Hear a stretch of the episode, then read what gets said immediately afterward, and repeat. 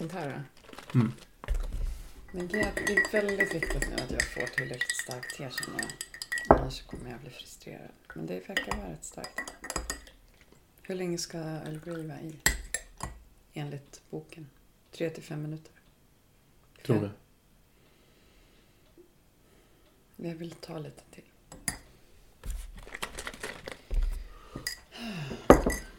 Men ska vi börja ändå? Eller ska vi vänta tills jag har gjort det där? Nej, men det, vi har börjat. Men du klipper ju bort det här i början hoppas jag. Nej.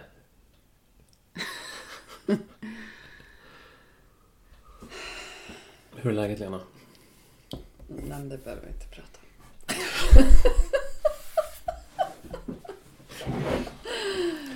det är kul att Vi, podda. vi, vänt, vi väntar på våren Ja, och, jag är trötta på hushållsarbete. Och sen så har det varit dåligt kaffe idag också. Det blir inte, det blir Ja. inte värre än så. När livet hänger på att kaffet smakar gott liksom. Och så gör det inte det. Ja. Ja, då är det jobbigt. Ja, vi har snö utomhus. Och vad är det? 20, vi- 26 26. mars. Det är vackert. Och solen glimtade fram lite. Och då gick jag ut och, och vattnade vårt plommonträd och syrenbuskar med bokashi-vatten. Och det kändes lite konstigt att vattna en snötäckt trädgård. Men jag tänker att näringen kanske kan tas tillvara. Vi har, vi har vår, eh, vår griffeltavla som vi har så här brainstormat lite grann. Det här skulle vara kul att prata om. Mm. Och det här skulle vara roligt om. Första delen är tema för podd och resten är att göra. Hushållsarbetes att göra. Där står det laddare och städa. Som att vi behöver en påminnelse om att vi behöver städa. Återvinn, beskära. Veganism, socialism och andlighet. Vad är Waldorf, klimakteriet, ekofeminism. Ja, det är hittills bara. Ni, ni förstår varför vi mår bra av att podda istället för... Istället för att städa. Men vi funderade lite grann på Waldorf. Jag funderade på det och jag, jag tyckte att det kändes som som var kul att, att brottas lite grann med det och utforska det lite grann. Ehm, mm, Du är ju Waldorflärare. mm. Alltså Waldorf är ju, som ni säkert vet, En pedagogik, Det som finns- väldigt många människor har åsikter om. Mm. Och det finns då Waldorfskolor på olika håll i Sverige. Jag är Waldorflärare för högstadiet och jag har NO-ämnena. Och sen så har jag metallslöjd också. Men jag skulle nog säga att det ämnet som jag brinner mest för ehm, är kemi.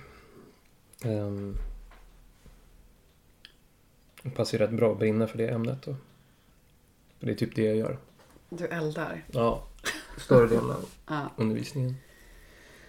Och ibland, det är en fråga som vi vill prata om är lite grann, vad är Waldorf? Vad är Waldorfpedagogik? Ehm, inte liksom att dra hela idéhistoriska rötterna och sånt kanske, utan mer försöka prata om det lite från så som framförallt du kanske tänker, men jag också som är mer, jag har, jag är förälder till barn som går på en Waldorfskola. Jag ser det lite utifrån. Jag har i och för sig också faktiskt jobbat på en Waldorfskola för länge, länge sedan som vikarie. Vad gjorde du då? Ehm, ja, lite allt möjligt. Lite svenska, litteratur och sånt. Högstadiet. Mm. Lunds Waldorfskola. När jag var typ 20-21 år någonting. Mm. Men... ehm, mm, varför brinner du för kemi då?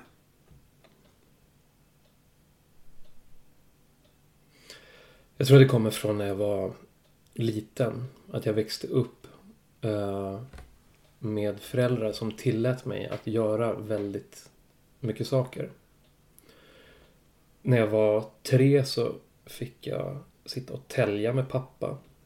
Ehm, och sen så jag tror att jag var fyra när jag fick min första egna yxa. Och um, jag fick lära mig att svarva när jag var sju. Jag fick stå och svetsa själv när jag var tio, elva. Um, och jag fick också elda väldigt mycket. Och det där satte, jag tror att det där, och det där var ju bara några, det, det, det var ju bara några små eh, nedstick i historien men jag levde ändå i, no, i någon slags värld där jag fick utforska väldigt mycket. Och jag fick göra det på riktigt. Jag tror att det var det som var det här att det, jag upplevde hela tiden att det var på riktigt. Alltså jag fick en riktig kniv som var vass. Jag fick en riktig yxa som var vass. Jag fick stå och svarva själv med en, med en, en riktig svarv. Inte de här plastverktygslådorna nej, liksom? Nej, precis. Nej. Och att det var på riktigt. Och jag tror att jag upplevde och upplever eh, eh, en stor mening i när det är på riktigt. Och att jag upplever att det saknas någonting när det... Eller jag saknar meningsfullhet när det inte är så. Jag tror att det är där som det började. Det är någon slags grund i mig.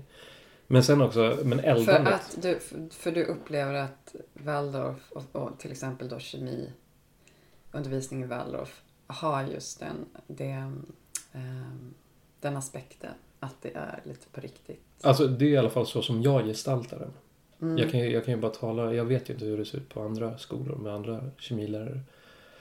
Men det är i alla fall den, eh, ska man säga, det imperativet som jag har i min undervisning. Att jag vill att det ska vara på riktigt. Att det ska vara jag tror att jag var nog inte ensam om och kanske inte är ensam om att jag, jag, jag längtar efter att känna mening och sammanhang och att förstå um, verkligheten. Och, och jag, jag, tror att jag, jag vet ju, jag har, ju jag har inte hört så, så mycket från eleverna hur de uppfattar undervisningen. Men jag tror att det kan skina igenom. Jag hoppas det i alla fall. Att man ska förstå varför. Eh, ja, men som ett exempel så kan det vara att istället för att jag ställer fram en dunk svavelsyra på bänken och säger att det här är svavelsyra. Så arbetar vi med att gå från början, att vi tittar på ämnet svavel. Och vad, vad, vad har det för egenskaper? Hur känns det? Hur smakar det? Hur luktar det? Att det, att, att det skapas en upplevelse som vi sen kan tänka ifrån då och använda. Och sen så eldar vi svavel och tittar på så här, hur brinner svavlet? Var kommer det ifrån? Jo, det kommer ifrån vulkaner. Där hittar vi svavel. Alltså den underjordiska elden. Och sen så känner vi på hur, hur, hur är röken? Och det är väldigt stickande, frän. Och sen så fångar vi upp röken och löser den i vatten. Och så smakar vi på den. Då kan vi känna att det den smakar syrligt. Och att det smakar lök och ägg. Mm. Och då får eh, och då är det ofta som någon säger att, att de tycker att det smakar äckligt men också att det finns en äggsmak i det. Och, och svavlet finns med där. Som en eh, som gör att det, olika livsmedel får olika smaker. Eller det finns en svavelkaraktär liksom, i olika livsmedel. Och då har vi gjort svag svavelsyra. Mm. Så det är liksom ett exempel på hur, hur jag vill att det ska vara. Att det, det, ska inte vara någonting som bara kommer som ett, ett torrt begrepp och bara så här, det här minns det här. Utan mm. att det faktiskt blir en, en, en upplevelse av okej, okay, det, det är härifrån svavelsyran kommer. Och sen så är det faktiskt, det är ganska fint när man, när man häller svavelsyra på trä till exempel, eller på organiskt material, då förkolnar det. Så det, det finns den här, den eldkaraktären finns liksom med. I det. Mm. Och jag tror att det var det, frågan var ju egentligen som du ställde var ju så här, men vad var det som gjorde att Alltså kemin, att jag brinner just för kemin. Mm, ja. Och jag tror att jag, jag, jag, tycker om att elda. jag tror det är det som är Pappa kallar mig för eh, pyromanen ibland. Ah. Men nej, för jag brukar ofta använda, för mig har det blivit så här när jag ska försöka förklara för någon vad är skillnaden eller vad, vad utmärker Waldorfpedagogik och vad är liksom det, det, det positiva då med det? Var, varför har jag mina barn i en Waldorfskola? och det går ju att säga jättemycket om, om Waldorfpedagogik och, och olika delar och sådär. Och man kan liksom gå tillbaka till det här med antroposofi och Rudolf Steiner och hej och hå. Men, men jag tycker det är väldigt illustrativt med kemin. Och sen har jag ju förstått från dig också att ofta så är det att, att Waldorfskolorna själva också lite grann ser att kemin är lite liksom det här eh, exemplet som man gärna framhåller. Eller? Eh, du sa någonting om det? Ja, kanske. Jag, jag vet inte. Och det tyckte ja, jag var intressant. För att för mig, när jag gick i skolan så tyckte jag ju kemi var, ja men det var nog det, kanske det tråkigaste ämnet jag visste. Mm. Faktiskt tror jag. Jag tyckte det var fruktansvärt tråkigt. Det var, jag var helt alienerad. Eh, jag kommer ihåg, jag har ett starkt minne av när vi framställde estrar och det var lite häftigt med de här dofterna. Det var jätteäckligt och det var jätte så här, godissmak liksom. Men, och sen när jag hör om din undervisning så känns det så extremt annorlunda. Och då blir jag liksom medveten om att men det är ju jätteexistentiellt med kemi liksom. Det är ju så här om det här att liksom komma i kontakt med grundämnen och olika så eld. Eh, eld, jord, liksom alla de här delarna som naturen och består av och som, som upprätthåller vårt liv. Och på något sätt se det ur ett lite mer holistiskt sammanhang. Alltså det, det, det, det är liksom Ja, nu var det diskmaskinen. Det fanns ju liksom in, det var något, något helt annat än det jag upplevde med liksom jag, jag, ser framför mig böcker, papper och så lite molekylmodeller, abstraktion liksom. Um, ja. Så det, jag har ju inte gjort den kopplingen att kemi, det, det är ju liksom, just att det är existentiellt liksom. Och att det, det, är en sån fantastisk motvikt mot, eh, om man använder, jag tänkte just på begreppet alienation. Alltså det här att man inte att det, för, saker förfrämligas, liksom, som det ofta kan göra i undervisningen när man liksom inte känner att det finns, det här angår mig. Liksom. Mm. Jag har ett sånt där minne från min, min jag kommer inte ihåg om det var fysik eller kemiundervisning. Där min lärare sa um, det, det, är en jättetydlig minnesbild som jag har. Där min lärare sa att uh, den här luften som vi har omkring oss. Uh, det är egentligen bara partiklar. Mm. Och, um, och, och, det, och, och, det stämmer ju. Det är ju korrekt. Men min hjärna var Eh, eller mitt sinne var in, Jag var inte mottaglig för det. Jag har ju blivit mycket mer mottaglig för det när jag blivit äldre. Och, och tycker att det kan vara väldigt... Eh, alltså både vackert och spännande och, och jätteintressant med att, att, gå in just med atomer och partiklar och se hur, hur de interagerar med varandra och byter vänner och sådär. Men då upplevde jag verkligen att det blev så här, ah", eller eh, för mig var det jättefrämmande. Att ta, ta in det. Ja, vad intressant exempel. För det, det skulle jag ju verkligen... Jag skulle säga nej, det är luft. Alltså det, det är liksom den här, den här kvalitativa eh, helheten som vi kallar luft. Det är det som är den, den verkliga grejen och sen kan den analyseras och delas upp och den består av olika saker. Men just det, det är det som så ofta försvinner. Att så, det här med shit, det här är eld. Eller det här är luft. Liksom, och att komma i kontakt med kvali kvaliteten, det kvalitativa i det liksom. Mm. Det är väl det som väldigt ofta försvinner i någon slags modernistiskt tänkande, om jag får kalla det så. Som Waldorf kanske går emot lite grann då, kan man säga. Jag skulle nog säga att ja. Mm, min kemiundervisning eh, grundar sig på en fenomenologisk, eh, ett fenomenologiskt tänkande. Där det... Ehm, där det egentligen är omvänt från hur man arbetar i vad ska man säga, konventionell kemi. Där, där det är... I den konventionella kemin då så är det ju mer att eh, man använder ett experiment för att eh, bevisa en teori eller kanske kolla om en teori håller.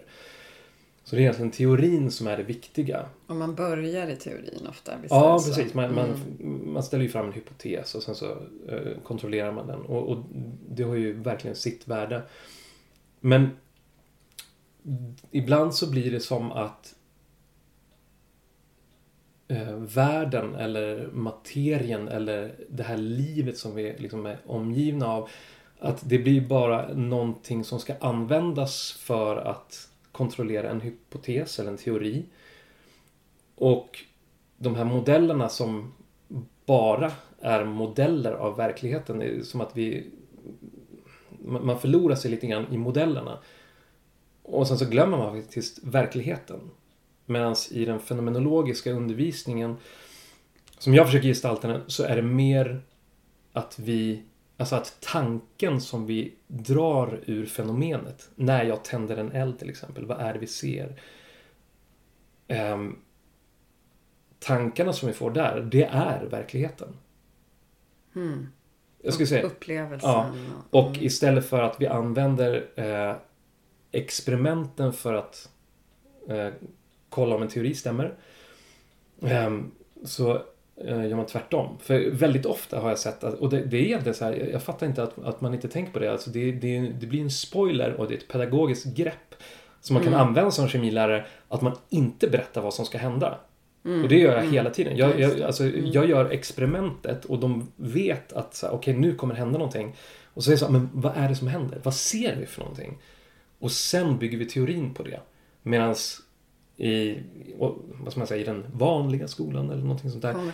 Då, då tittar man och så, så, om det här är teorin, och så här, om den här teorin stämmer då när jag eldar det här så kommer, eller gör det här, då kommer vi att se det här. Så att man, man berättar i förväg vad som ska hända. Vilket Mm. är så här, teatraliskt helt fel. Det är som att berätta vad, hur en film slutar. Mm. Mm. Ehm, och sen så gör jag, jag gör ju experiment varje dag.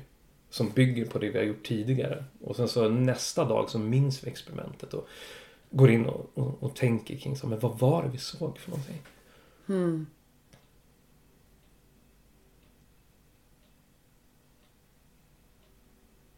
Mm. Det Alltså, kom, det, ja, mm, jag tänker det, jag, jag, när jag, jag går igång på det där med eh, kemi och Waldorf, för, för det, det är väldigt vackert hur man liksom gifter ihop någonting väldigt existentiellt skulle jag säga eh, med någonting mer liksom ja men kemi liksom. Ja, att förstå hur saker funkar och mekanismer hit och dit. Alltså just att att, att det, men, men det handlar alltså liksom om, wow, eld. Att man börjar där. Eld är ju ett helt otroligt fenomen att, att uppleva. Liksom. Och så tänker jag också hur, så som jag har upplevt när du har berättat, så ni, ni, man jobbar liksom med polariteter, man har liksom värme och kyla, till exempel, som är så här fundamentala egenskaper, eller vad man ska säga, i världen. mm, Och det är så existentiellt också. Mm. Alltså den fysiska upplevelsen av värme och kyla, men vi använder ju det som metaforer i när vi pratar om en varm person, en kall Mm. person. Alltså, och sen så det här när du pratat om surt och basiskt. Det, det är något spännande med de här polariteterna som finns i, i jorden och att det verkar som att eh, eleverna får med sig någon förståelse av hur allting beror av vartannat. Liksom att, att man måste både ha det basiska och det syra. bo- Ja, liksom, ja. mm, Det, och det kan man säkert jobba med på andra sätt också och mer teoretiskt så. Men här får man, verk- man det blir ju väldigt så här, tänker jag, konkret personlig upplevelse av det Mm, nästan här på ett annat sätt. Så att det kanske landar djupare. jag hoppas det. Du har väl också fått ganska mycket positiv feedback Ja. på den här kemiundervisningen? Ja, men det har jag fått. Mm. Och det är roligt. Och det här med, med de här ehm, principerna som man, som du nämner då. ehm, jag skulle nog säga att det, ko- det kommer, Goethe skrev en bok som heter Växternas metamorfos. Goethe är, har ju varit en viktig inspiration för Waldorf. Verkligen. För Rudolf Steiner Verkligen, kanske. för Steiner. Mm, mm. Eh, han, han, sorterade Goethes böcker eller någonting sånt där, sju år eller någonting sånt där. Och han, han var väldigt, eh, väldigt intresserad av Goethe. Och det är lite, det är lite kul. Sorterade? Alltså, jag vet inte, jag kommer inte ihåg exakt vad han gjorde. Men han jobbade på något bibliotek när han var ung. Ja, eller okej. alltså någonting som hade med Goethe Jag minns inte det exakt men någonting sånt. Men i den boken så ehm, där studerar han växter. Ehm, och han hade ett annat sätt att, att förstå ehm, världen på eh, än till exempel Newton. Som var mycket mer alltså, konstnärligt. Och där han tittade på växter utifrån en helhet snarare än som Linné som plockade isär i, i massa smådelar. Eh, och det Goethe gjorde var att han såg hur eh, växten eh, växer efter alltså, principen om egentligen värme och kyla, alltså expansion och sammandragning. Eh, och, och det, där finns, det där finns med, det här Goethes sätt, det fenomenologiska, att, att försöka betrakta naturen och att låta naturen tala till mig. Alltså de tankar som jag får när jag iakttar naturen. Om jag gör mig själv som ett tomt blad och bara låter naturen få vara, ta del i mig.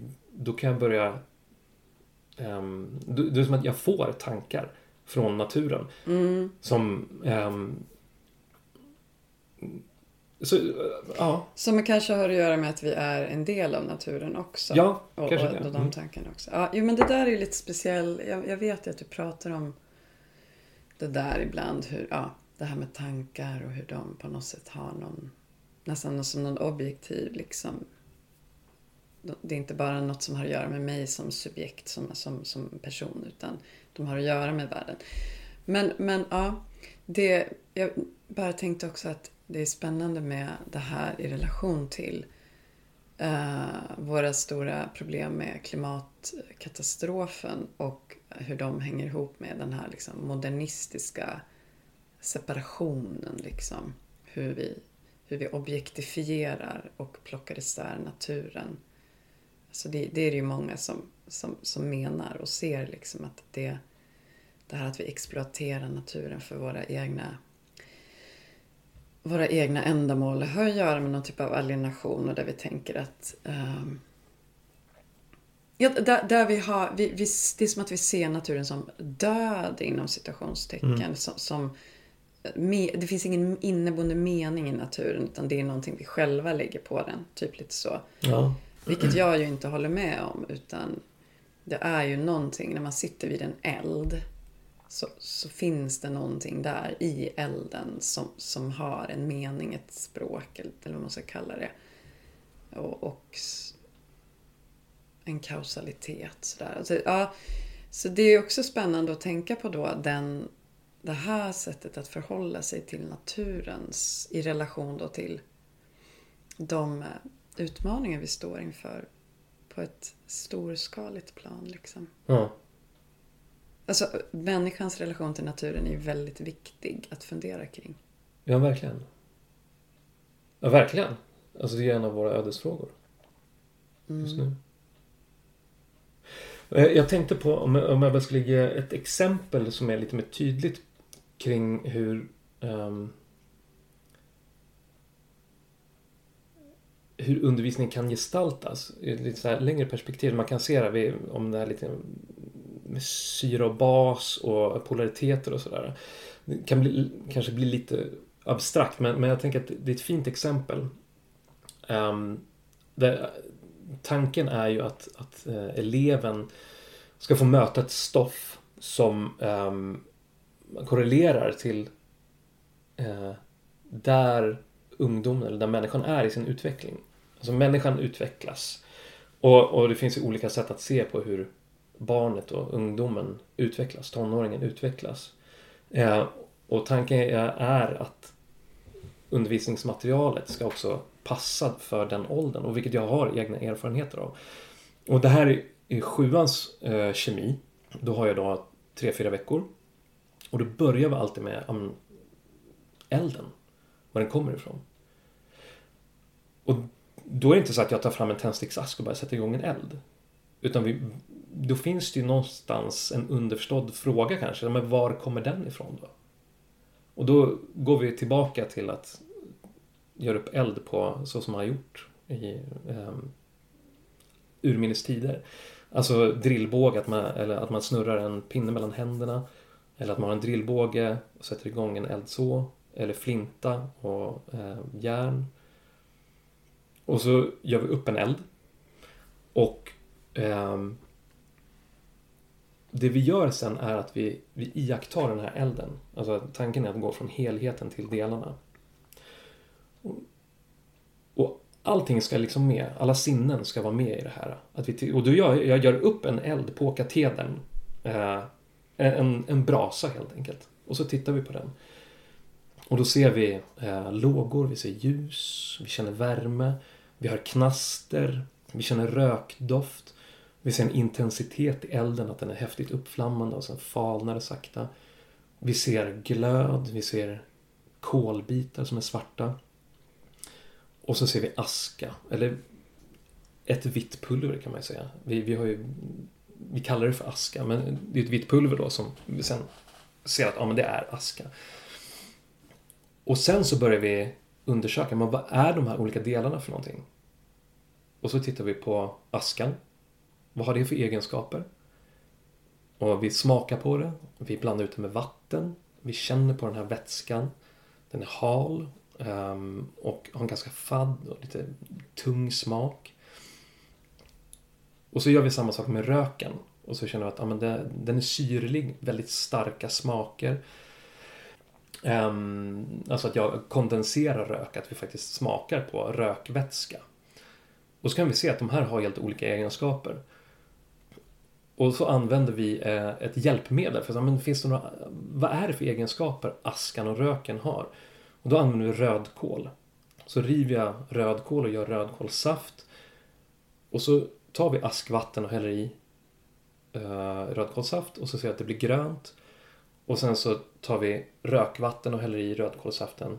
Och rödkålsaften är då blå från början och så ser vi att röd, rödkålsaften blir rosa. Så den får olika färger. Och då undrar vi så här, ja, men finns det andra ämnen som har liknande egenskaper? Och så tar vi saker hemifrån. Eh, diskmedel, rengöringsmedel, vi tar citronsyra och jag har ju valt ut det här med tanke på att det ska funka, att man ska se det tydligt. Och så ser vi, ja men där är bas och syra. Syra och bas har vi där i röken och i askan.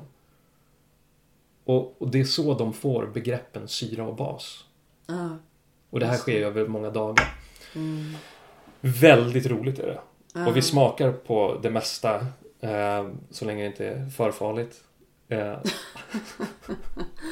och, eh, och, och, och, tanken är att det här, det här passar så bra i sjuan därför att de, det händer så mycket i dem. Man brukar säga i Waldorf-sammanhang att här, i sjuan så, men det är stängt för ombyggnad. Och jag upplever verkligen att det är så. Där, där har jag mina största utmaningar i, med sjundeklassarna. Att försöka hitta um, sätt som, som funkar. Men det här, jag, upplever verkligen att det här funkar. Så det var ja, men, lite grann då om, eller ett exempel som var lite mer här, på djupet. Mm. Där, där, man, där vi hämtar begreppen Ja. ur naturen. Ja, men det är jättespännande. För, jag, för mig är det mer så här att jag lärde mig om pH-värde. Mm. Och, och det var något så här abstrakt, något man kunde mäta, pH-värde. Och så var det någonting med försurade sjöar, typ lite så. Mm. Det, det kommer jag ihåg någonting. För det var nog för att vi var, var ute och mätte pH i någon sjö. Så att det var lite mer konkret. Men ska vi... eh, Vill vi säga något mer om Waldorf? Eller ska vi Ja, runda av? precis. För jag tänker, nu, nu är det som att... Jag, jag tänker ju att nu har vi bara pratat om kemi. Mm. Men det är som att det är en illustration av någonting som, som ju är mer generellt med Waldorf. Mm. Eh, men som kanske blir som extra ty tydligast i det ämnet. Eh, så. Mm. Men det som är kul med Waldorf är att det, det känns som att det alltid är och petar och är så här jobbig, jobbigt. Eller det, det, är så här, det, det är alltid någon slags så här, det stör människor med Mm. Waldorf. Eller så tycker man om det. Och sen så var det den här dokumentären nu, eller vad man ska kalla det för. För, eh, för ett eller två år sedan. Eh, och ja.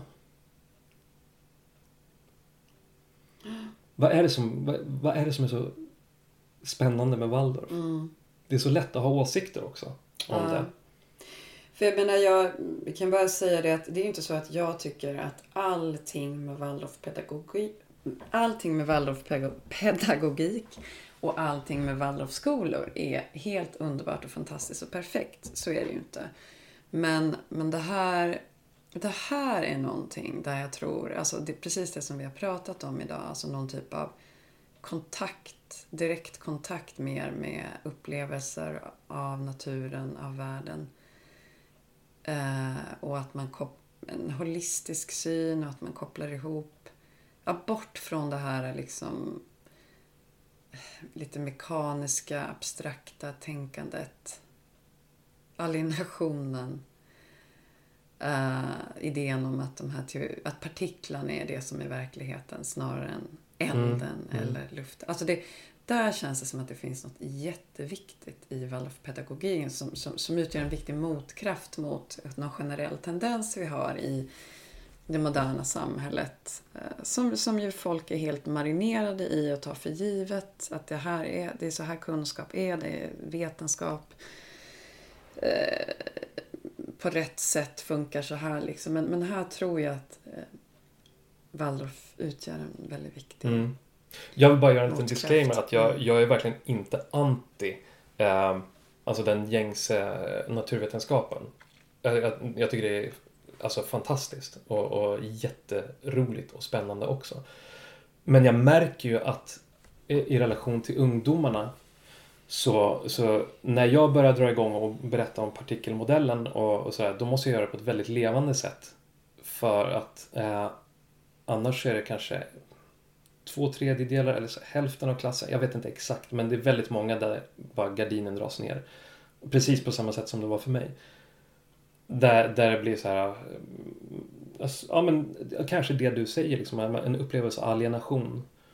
Att ehm, jag, hade, jag hade inte det Varför tänkandet. är det viktigt liksom? Det är väl det. På något, Ja, varför, var, det var kanske är precis. var varför ska jag lära mig det här? Ja, kanske det. Ja, ja jag, jag vet inte exakt vad, vad det är som händer, men... ehm, sen, brukar, sen, sen brukar det vara en, en handfull elever som tycker att det är jättekul och, och jag vill ju ge dem det också. Mm. Att det, det ska finnas med där också. Eh, och sen är det ju en del av läroplanen också, så det jag följer ju den. Men det är ju det det är superintressant bara att fundera på vad, vad är skolans uppdrag? Om man tänker lite så här visionärt och radikalt. Alltså i en tid där vi kan, alltså man kan bara googla så har du partikelmodellen där. Mm. Alltså det, att, att lära sig information är ju inte det som är det viktiga nu liksom, eller liksom fakta. Nej. Och det, och det är ju de flesta överens om. Men då förutom då att kunna liksom veta hur man förhåller sig till information och hittar information och bearbetar och kritiskt reflekterar så kanske just, det är kanske just det här som en skola ska göra då. Att skapa, att levandegöra, att skapa liksom en, en, eh, en förståelse för Ja, men vad, vad är min, människans relation till världen, till Ja. naturen? Ja. Alltså något, något, ja, det, det är väl, jag, jag vet inte, men det är väldigt intressant att fundera på vad är skolans mission egentligen? Liksom. Som min mentor sa. eh, Han, han sa att så här, din uppgift är att eh, låta eleverna få en inblick i naturens hemligheter. Mm. Och, och det, det är verkligen så. Det, Ja. det är med, jag har gjort det tio gånger kanske de här perioderna. Varje period. Men det, det är väldigt... Alltså det är vackert och det är konstnärligt. Och, och det Mm. händer så mycket. Det är så mycket Just det. färger. Det, ja, det är väldigt levande. Så det... Mm. Det var kanske en fin avslutning. Ja, det kanske det var. Men ja. Finns eh, nog mer att säga om, om Waldorf. Men inte idag kanske. Tänker, Men pedagogik, tänker jag. Det har jag tänkt på. Att vi, jag skulle vilja prata med dig om. Vi, vi kom ju in på det igår. Lite grann. just det här med, med skolans uppgift. Jag, tror faktiskt inte att vi är färdiga än. Mm, jag bara tänker att de inte ska bli för långa de här Ja, avsnitten. nej, Eller jag vet precis. inte. Ja, just det. Vi har pratat. Mm. Men vi kan, jag tänker bara vi kan... Du, du nämnde en intressant grej igår. En bekant till dig, en vän till dig som berättade om eh, sitt barn. Att det här barnet... Eh, Mm. att den här, din vän då eh, upplevde att, att pedagogen inte tyckte om barnet. Mm. Och, eh, och, och vi pratade lite grann om, om, och jag tänkte också på det sen i efterhand, att hur, hur det är kanske där pedagogik verkligen börjar. Och jag tror att vi pratade om det också, just det här med att ehm, det börjar med relationen mellan Mm. pedagogen och barnet. Ja. Och om, sen kan man ju ha hur bra undervisning som helst. Men om jag, om jag inte har koll på mina reaktioner och vad det är som gör att jag triggas av en elev eller sådär, och, och arbetar med det så spelar det kanske inte så stor roll. Mm. Så sk- skolans uppgift kan jag tänka också är, är det. Alltså det ska Mm. finnas människor i skolan som, som bryr sig. Min skolgång var ju Mm. bara relativt tom på sånt. I alla fall vad jag upplevde. Jag hade en fritidspedagog som heter Micke, Micke Hermansson. Han, han, jag tänkte på honom i morse. Och han, han betydde väldigt mycket för mig. Han var en sån där vuxen som, som var där. Och liksom, spelade mycket fotboll och sådär. Men han, ja, Mm. han var nog någon slags trygg punkt. Mm. Där, I en skola som, jag gick inte på Waldorfskola. Men i en skola där det kändes mer som att det var en avstjälpningsplats för ungar. Mm. Medan föräldrarna jobbade. Mm. Ehm, och det var ju samma sak på högstadiet. Alltså det var ju... Det var inte heller någon Waldorfskola men det var också... Det var ju hemskt liksom. Jag tänkte också det som min eh, kompis pratade om att det var som att läraren var väldigt duktig och man hade liksom en plan på hur allt skulle vara som Mm. var väldigt fin och härlig. Men sådana planer kan ju verkligen stå i... Då blir ju det barnen som stör den planen blir jobbiga Ja. och problem. Ja. Och då, då faller ju allt, tänker jag. För, för, för jag tänker att det, det viktigaste är ju att man börjar med att barnet ska känna förtroende för läraren och eller ett ömsesidigt förtroende antar jag. Och då kanske läraren måste tänka om sin fina plan och liksom hela tiden återgå till barnets Ja. förmågor och, och behov. Det, ja, det, Det är väl därför det är ett, ett, ehm, ett konstnärligt uppdrag. Ett konstnärligt uppdrag. Ja, jag tänker att det på något vis är, för det är hela tiden ett skapande. Ja, Jag behöver hela tiden läsa av en situation Ja, för är och, och, och göra bedömningar och, och skapa någonting ur det och försöka förstå människan. mm. Mm. Jag vill klara. Mm. Vi är klara för idag.